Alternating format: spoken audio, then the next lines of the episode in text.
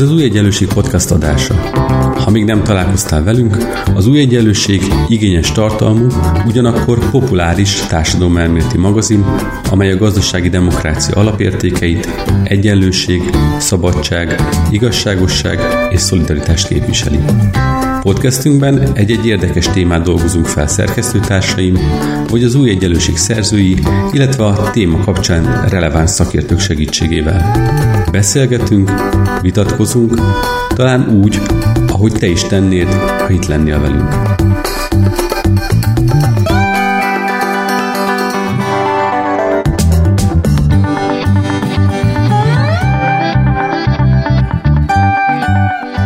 Szeretettel köszöntöm az Új Egyenlőség Podcast hallgatóit. Én Kis Ambrus vagyok, az Új Egyenlőség szerkesztője és a mai adás házigazdája. Gazdasági vá- modellt vált Magyarország, ezzel a címmel jelent meg az Új Egyenlőségen egy írás február elején, amelynek szerzőjével Kis Miklóssal beszélgetek az elkövetkező fél órával. Szia Miklós, köszönöm szépen, hogy elfogadtad a meghívást. Szia, most nagyon szívesen. Úgy kezdődik a cikket, hogy a magyar kormány olyan modellváltásba kezdett, amely rövid távon a megoldás illúziáját nyújthatja, ugyan hosszú távon azonban felemésztheti a jövőnket. Ez egy elég érdekes bevezetés. Nézzük egy kicsit, egy, szedjük szét ezt a mondatot darabokra, mert hogy talán úgy jutunk el, hogy akkor ezt azok a hallgatóink is megértik, akik magát az alapszikket nem olvasták. Szóval a magyar kormány modellváltásba kezdett, és hogy a címed is az, hogy gazdasági modellt vált Magyarország, Miben látod ezt a modellváltást, hogy miben má, lesz, lenne más ez a magyar gazdasági modell, mint amit az elmúlt években azért főként az autóiparra épült magyar modell nyújtott számunkra? A közgazdászok, magyar közgazdászok régóta beszélnek arról, hogy gazdasági modellváltás szükséges. Ugye a magyar gazdasági modell az hasonlóan a hasonló helyzetből induló közép-kelet-európai országokhoz alapvetően azon alapszik, hogy az olcsó munkaerőre alapozva a külföldi működő tőkét csábítunk be az országba, és nagyon sokat exportálunk, viszonylag kicsi hozzáadott értékkel, és természetesen abban bízunk, hogy ez a, ez a hozzáadott érték az idővel nőni fog, de ugye most arra, vagy hát nem most arra, hanem tulajdonképpen már azért korábban is látszott, hogy ennek a modellnek vannak növekedési korlátai, kezd kifulladni, és e, e, erre a jelenségre szokták néha hogy azt mondani a közgazdászok, hogy ez a közepes jövedelem csapdája, mert ezt vitatják, ez egy vitatott kérdés, hogy egyáltalán Magyarországra ez mennyiben igaz. Annyiban biztos, hogy igaz, hogy az olcsó munkaerőre építeni a gazdasági modellt, ugye addig lehet, amíg olcsó munkaerő, de amikor a munkaerő elkezd drágulni, mert fejlődik, fejlődik a gazdaság, ez magával vonja azt, hogy elkezd drágulni a munkaerő, akkor, akkor erre a versenyelőre egyre kevésbé lehet építeni, hiszen ez megszűnik versenyelőnyé lenni, és ráadásul az olcsó munkerő, mint versenyelőny az automatizáció korában, hogy egyre kevésbé lehetséges egyébként is versenyelőnyként hasznosítani, de, de hát egyre kevésbé olcsó a magyar munkaerő, ugye ahhoz képest a nem egy más kevésbé fejlett országhoz képest. Ez egy régi dolog, hogy a gazdasági, gazdasági modell nem változtatni kell, és közgazdászok a progresszívben gondolkodó közgazdászok, meg hát gyakorlatilag szinte talán minden közgazdász, aki ezen komolyan gondolkodott, hogy arra jutott, hogy, hogy valamilyen módon ezen a modellen úgy lehetne javítani, hogy a, ezen a hozzáadott értéken meg, megpróbálunk valahogy ö, ö, dolgozni, hogy, hogy nőjön, tehát, hogy ne úgymond összeszerelő ország maradjunk, hanem megpróbáljunk tovább lépni az értékláncnak egy olyan magasabb hozzáadott értékű részei felé, a, hát amiből mondjuk, hogy jobban meg lehet élni, magasabb éreket lehet tartósan fizetni, és ehhez pedig nem más szükséges, mint, mint befektetni az oktatásba, befektetni az innovációba. Ez egy hosszú távú projekt. Na és hát ez a fajta gazdasági modellváltás, amit közgazdászok régóta szorgalmaznak, tehát ellépni a tudásgazdaság fele, hozzáadott érték fele, ez, ez egyszerűen nem, nem történt meg a mai napig, és az én állításom az, hogy, hogy ha nem is szándékozik a kormány ebbe az irányba lépni, egy egészen másfajta gazdasági modellváltást lép meg, mint amit a közgazdászok eddig javasoltak. Ugye azt mondod, hogy a, úgy lehet a korábbi gazdasági modellen javítani, hogy ne egy összeszerelő ország maradjunk, hanem ahogy mondtad, ugye a magasabb hozzáadott érték, hiszen magasabb hozzáadott érték magasabb munkajövedelmet tud kitermelni. Ez tény.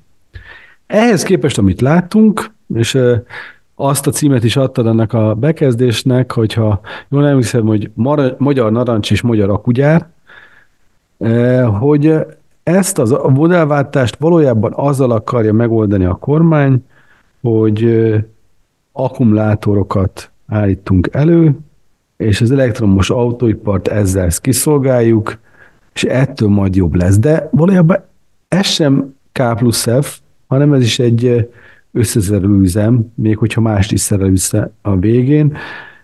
Szóval, hogy ez a gazdasági modellváltás egyáltalán egy valós modellváltási kísérlete, vagy valamit félreértelmez ebbe a kormány? Hát ez a gazdasági modellváltás ez semmiképpen nem olyan, mint, mint ami a modellváltást a közgazdászok szorgalmaznak.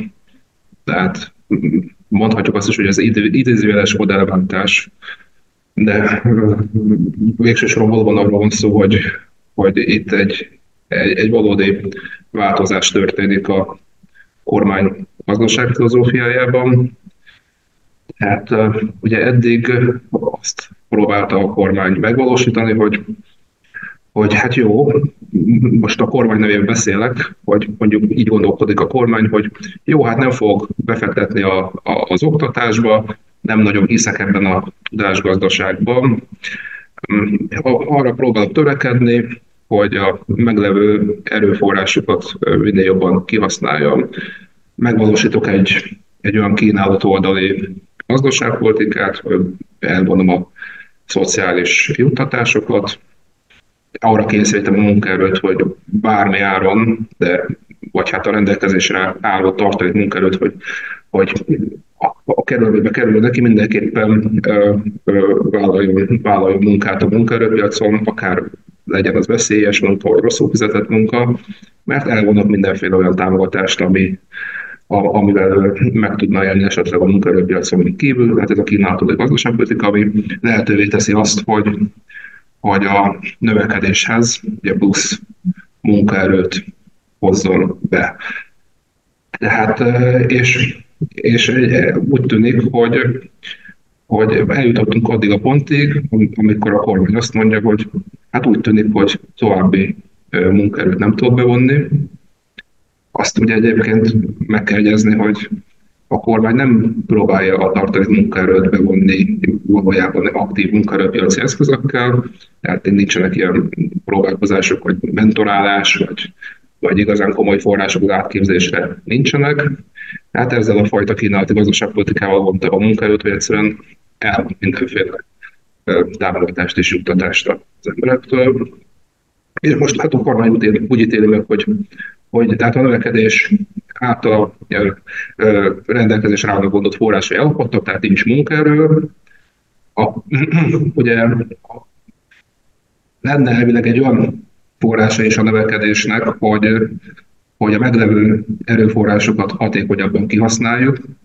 Tehát ugye ehhez kell lennének olyan vállalkozók, akik újszerű módon, innovatív módon használják fel mondjuk az erőforrásokat, de, de tehát, hogy Magyarországon nincs, nem igazán erős ez a fajta vállalkozás, mert hát egy olyan fajta haveri kapitalizmus alakult ki, ahol a, igazából a, a jutalom az, az, az nem a, az innovatív vállalkozóknak jut, hanem a, azok a vállalkozóknak jók a kapcsolataik. Tehát a növekedésnek ezek a fajta erőforrásai is ebből és így jutunk el oda végül, hogy, hogy a növekedésnek nem nagyon marad más forrása, mint hogy akkor amink maradt, az, az igazából a természeti, a természeti, természeti erőforrások. És, és hagyjuk, a kormány hagyja igazából, hogy olyan beruházások létesüljenek, amelyek hát ebben a formában más országban valószínűleg nem, nem létesülhetnének. És olyan erőforrásainkat, természeti erőforrásokat használják ezek a épülendő gyárak, amelyek nem feltétlenül fognak pótolni, mint, mint mondjuk a vízbázis.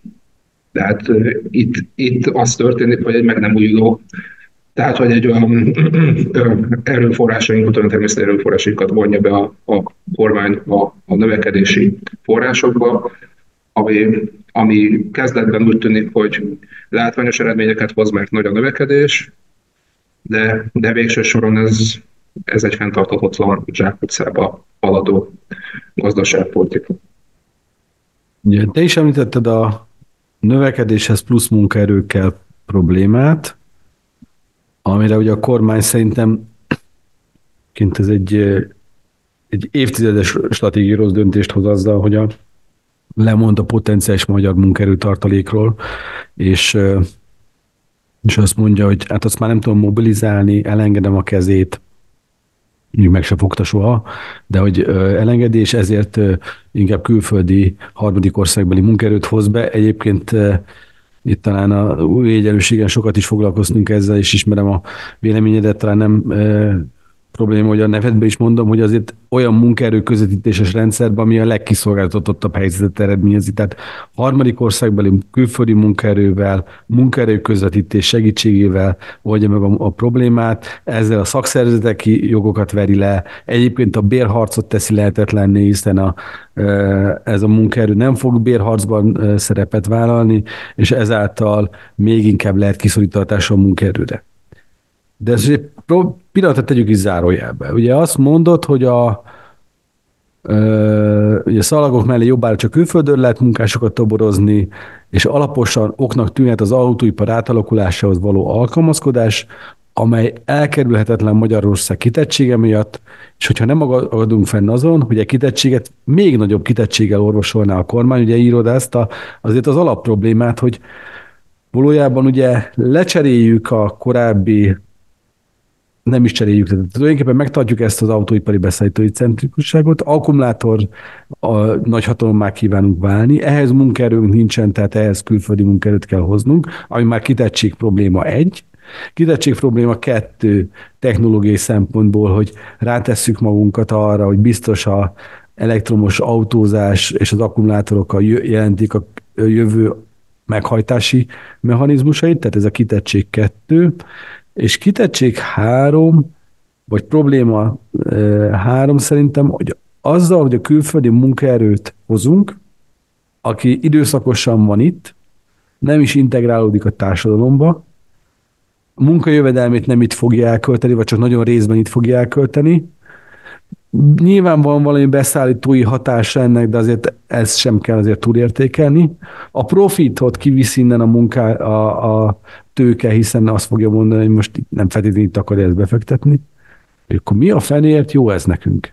És közben ugye hosszan írsz róla, meg mesélt is az előbb, hogy közben természeti erőforrásokat égetünk el, amelyek visszafordíthatatlanok lesznek, hiszen, hiszen látjuk, hogy vízhiányt jelenthetnek akár Debrecen környékén, lehet olvasni hírekből, hogy Gödön akkora vízmennyiséget használ fel az ottani gyár, amely jóval meghaladja a térségét. Tehát, hogy egyszerűen nem érthető ennek a, a logikája, hogy magyar munkaerő számára igazából nem ad gazdasági növekedés szempontjából látszólagos, mert bár itt termelődik meg, de a tőke kiáramlik, és a munkavállaló sem itt fogja elkölteni ezt a pénzét. Szóval akkor ez miért jó ez az egész? Igen, meg még az energia kitettséget is erősebb. És az energia kitettség. De hát igen, tehát egyrésztről egy, egy illuzórikus képet mutat a magyar gazdaságról érdeklődő magyar polgároknak, illetve hát talán a gazdasági elemzőknek is, mert ugye azért még ez a GDP fét is, ez szerintem továbbra is fönnáll, tehát megteremt, megteremti egy prosperáló gazdaságnak a látszatát az, hogyha GDP lendületesen növekszik, és valószínűsíthető, hogy a GDP valóban jelentősen növekedni fog ezek miatt a járnak miatt. Tehát ez az egyik hatás, vagy egy, egy kommunikációs hatás. Másrészt gyanítom, hogy a beruházások során az építőipari megrendelések végső soron valóban egy picit, picit serkentik a, a magyar gazdaságot, nem utolsó sorban elképzelhető, hogy azért itt olyan építőipari cégek rúgnak labdába, akiknek a tulajdonosi köre baráti viszonyban van a kormányzattal, vannak ilyen járulékos előnyök is. Nyilván a, a magyar polgárok szempontjából, magyar átlagpolgár szempontjából semmilyen, semmilyen előny, előny nincs. Hát bizonyos kormányzattal, baráti vállalkozói köröknek ez, ez biztos, hogy jó, hogy elmondhassuk, hogy hogy növekszik a GDP, erre is jó, másra szerintem nem jó. Ugye azt értem még, hogy az építőipart azt mondod, mert hogyha pont egy ilyen gazdasági helyzetben, amikor visszaestek az állami beruházások száma, a kamatkörnyezet miatt igazából a magánszektornak sem nagyon van megrendelése, ideig, óráig lehet, hogy ez segít. Oké. Okay. Még azt a részét is értem, bár közjó szempontjából értelmezhetetlen, hogy a nervilág számára ez jó. De hogy az ország szempontjából, gazdasági modell szempontjából miért jó ez, ez, ez, ez tényleg nem érthető, és őszintén kétségeim vannak ennek kapcsán, de ugyanakkor belehozta egy nagyon érdekes szempontot, és ezt hagyd idézzem. Nem kétséges, hogy a magyar kormány szeretné megőrizni az uniós tagság előnyeit, annak jogállami kötelezettségei nélkül. E játszmákban nyilván jól jön a német autóipar nehezen kiváltható magyar kitettsége, hiszen Németország mégiscsak az EU talán legbefolyásosabb állama. És egyébként ez, hogy úgy mondjam, hogyha modellváltásról beszélünk, akkor egy politikai kitettségváltás szempontjából már érthető magyarázat, hiszen azt mondod, ebben, hogyha a német autóipar akar akkumulátort, akkor Magyarországra számítania kell. Főleg, hogyha EU-n belüli akkumulátor akar, mert hogyha EU-n kívül, akkor nyilván ezt meg tudná oldani másokban is. De ebből a szempontból már szüksége van, és innentől kezdve már felértékelődhetnek a megromlott német kapcsolatok a dologba. Persze ezt nem tudjuk, hogy ez mikorra tud előállni az a helyzet, hogy ez a német autóipari kitettség Magyarország irányába felépüljön. De ez szerintem egy érdekes szempont, amit írsz. Hát ugye, itt ezek a, vagy azok a lehetséges magyarázatok, amiket a bevezetőben felsorolok, ezt a szempontot igazából egy vállalkozó mesélte nekem, hogy ő, ő, neki ezt mondták, hogy ez egy észszerű, hát izélyeben észszerű oka lehet ennek, a, ennek az egész furcsa gazdaság, gazdasági iránynak, gazdaságpolitikai filozófiának. Van benne, van benne logika, nyilván ellene is lehet érvelni, hogy már most olyan kapacitások vannak itthon, ami, ami bőven ellátja a, a hazai német autógyárakat. Itt azért nagyon komolyan tudunk majd exportálni, és talán nem csak Németországba. Hát biztos, hogy, hogy azért vannak, vannak ellenérvek, hát ez egy, ez egy lehetséges, egy lehetséges gondolat, amit nem éreztem annyira abszurdnak, hogy, hogy az említsem meg, hogy mint amiben lehet igazság, lehet, hogy lehet igazság. A cikkedben szintén egy, beosztál egy fogalmat, a termelési tényezőt, és ezt összekötötted a, ezzel a modellváltási kísérlettel. E, hogy kapcsoltad össze, hiszen ugye azért a termelési tényezőnek a, a jelentés az nem egy modern közgazdasági fogalom, még, még akkor is egyébként, hogyha ezt használja a modern közgazdaságtan, mert hogy jobbat nem tudott találni e, mellette. Szóval a tőke munkaföld és a negyedikként a vállalkozáshoz hogy kapcsolódik össze ez a modellváltási kísérlethez? Hát a, hát a klasszikus gazdaságot adnak a tőke munkaföld, mint termelési tényező a fogalma, és akkor hát a modernebb vagy, vagy neoklasszikus gazdaságtan pedig hozzá vigyezti a, a vállalkozást, termelési tényezőt a vállalkozót, aki, aki innovatív módon tudja kombinálni ezeket az erőforrásokat. És azért gondoltam hasznos fogalomnak a, ebben a cikkben, mert hát ebben a fogalmi struktúrában elég jól végigkövethető, hogy, hogy miért nem hozzáférhetők Magyarország számára azok a gazdasági növekedés források, amelyek hát jó lenne, hogyha pedig hozzáférhetők lennének, és miért marad végül semmi más, mint a, mint a természet. Hogy, hogyha sorra veszük a, ezeket a termési tényezőket, ezek a termési tényezők ezek egyben, egyben a gazdasági növekedés forrásaiként is felfoghatók. Tehát, hogy a, ugye a termelés, egyik fontos termelési tényező a munkaerő, hogyha több munkaerőt tudok bevonni, akkor növekszik a kibocsátásom, akkor, akkor növekszik a, tehát akkor, akkor van gazdasági növekedés, vagy ha, ha több tőkét tudok bevonni.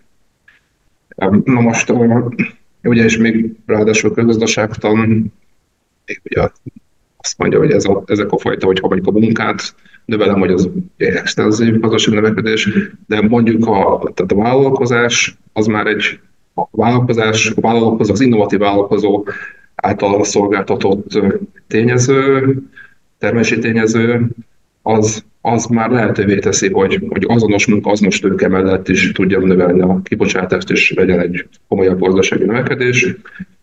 Csak az látszik, hogy tehát Magyarországon ez a termési tényező sem tud jól működni, mert hát a kapitalizmus van és ez a fajta innovatív vállalkozói magatartás, ez erre van példa, csak hogy általánosan, általánosan nem azt mondani, hogy ez, ez mindenképpen kifizetődő és, és jutalmazzák.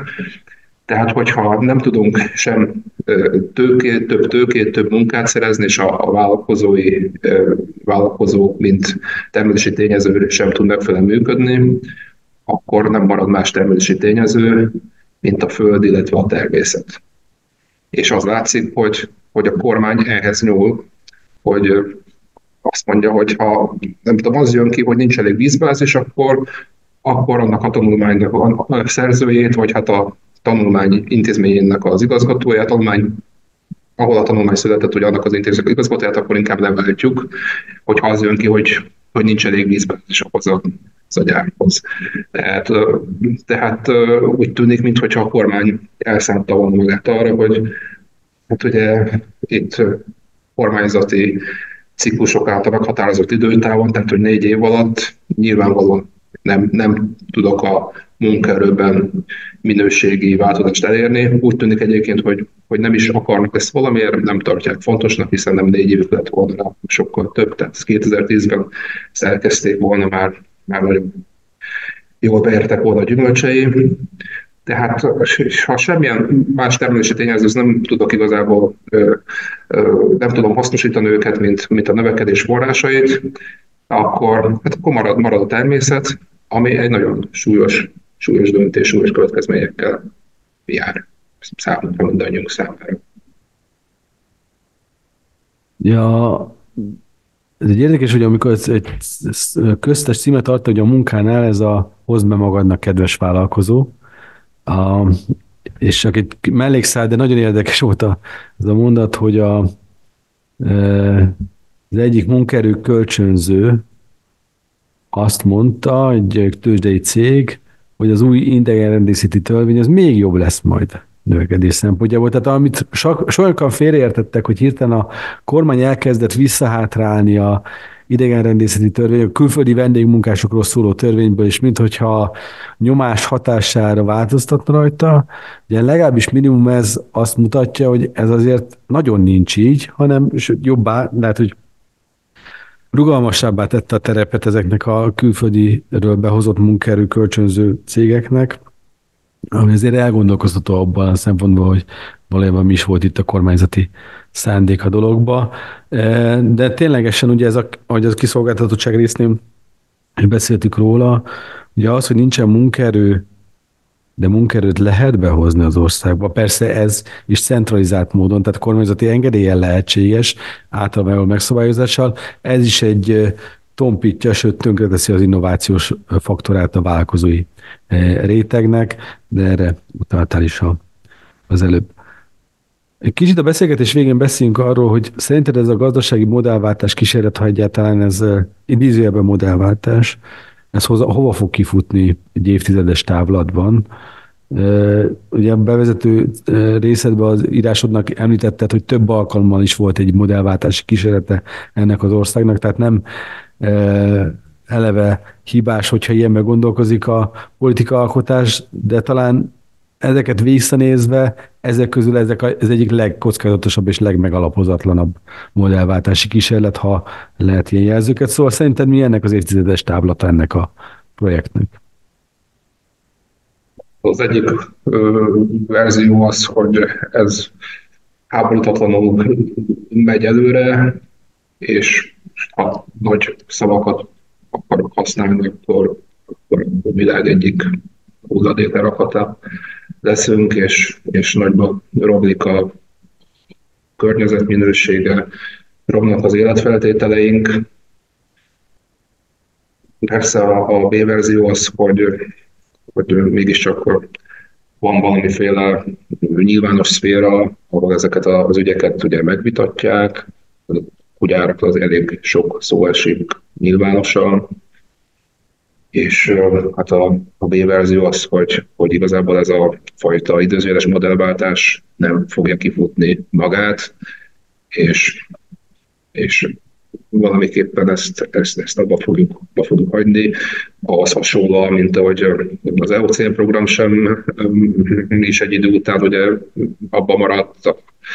Egy idő után beláttuk azt, hogy, hogy nincs magyar depotgyártás nyereségesen, vagy a narancs sem annyira, annyira jó, de hát elképzelhető, hogy egy idő után ezt, ezt azért mégiscsak sikerül belátni, vagy, vagy megfelelő energia, nyersanyag, munkaerő egyéb fel, tehát ha gyakorlatilag szinte semmilyen feltétel nem áll rendelkezésre, akkor, akkor ezzel a iparágban nem érdemes foglalkozni. Tehát a Magyarország komparatív előnye nyilvánvalóan nem az akkugyártásban, hiszen semmilyen nincs hozzá.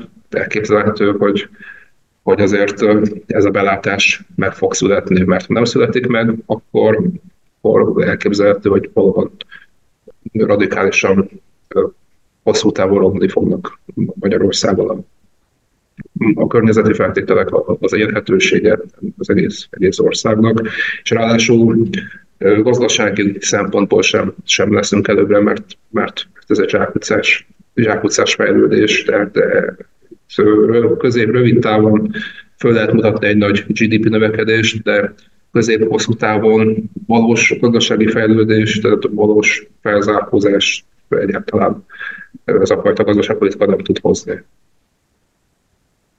Szerintem ez egy jó végszó mondat volt, amit mondtál, hogy Magyarország komparatív előnye nem az akugyártásban van, és szerintem ez jól összefoglalja azt a dilemmát, amiről az elmúlt fél órában beszéltünk, hogy hogyan lehet egy kiszolgáltatott gazdasági modellből egy lehet, hogy még inkább kiszolgáltatott gazdasági modellbe átlépni, ahol a egyetlen termelési tényező van, amit már használni lehet ez a föld, a természet, csak hát éppen ennek a kiárusítása folyik, ha nem is szószoros, de természeti erőforrások értelmében.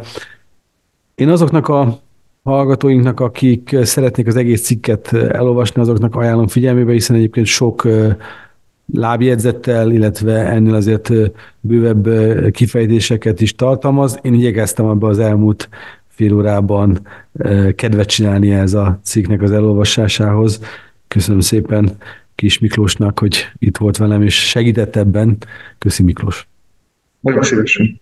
És hát azoknak a hallgatóinknak, akik hetente visszatérőek, azoknak unalomig ismert, hogy ilyenkor mindig a végén felszoktam hívni a figyelmet az új egyenlőség.hu-ra, Facebook oldalunkra, a YouTube csatornánkra, illetve nem csak az Új Egyenlőség Podcast, hanem egyébként a Zöld Egyenlőség, illetve a Kék Egyenlőség Podcast csatornákra. Éppen nem is nagy zásból a podcast családunknak a hallgatására, hiszen hetente a, jelentkezünk az Új Egyenlőség Podcasten, a két hetente nagyjából a zöld egyenlőségen, és a kék egyenlőség is minimum havonta frissül új tartalmakkal. Szóval aki új egyenlőséget nézni, hallgatni vagy olvasni akar, annak lehetősége van erre. Köszönöm szépen, és találkozunk egy hét múlva is, illetve a régi adásainkkal szokott módon visszahallgathatóak e, bárki által osszák meg ezeket a tartalmakat, hogy ne hogy tudjunk minél több emberhez eljutni. Köszönöm szépen a figyelmet.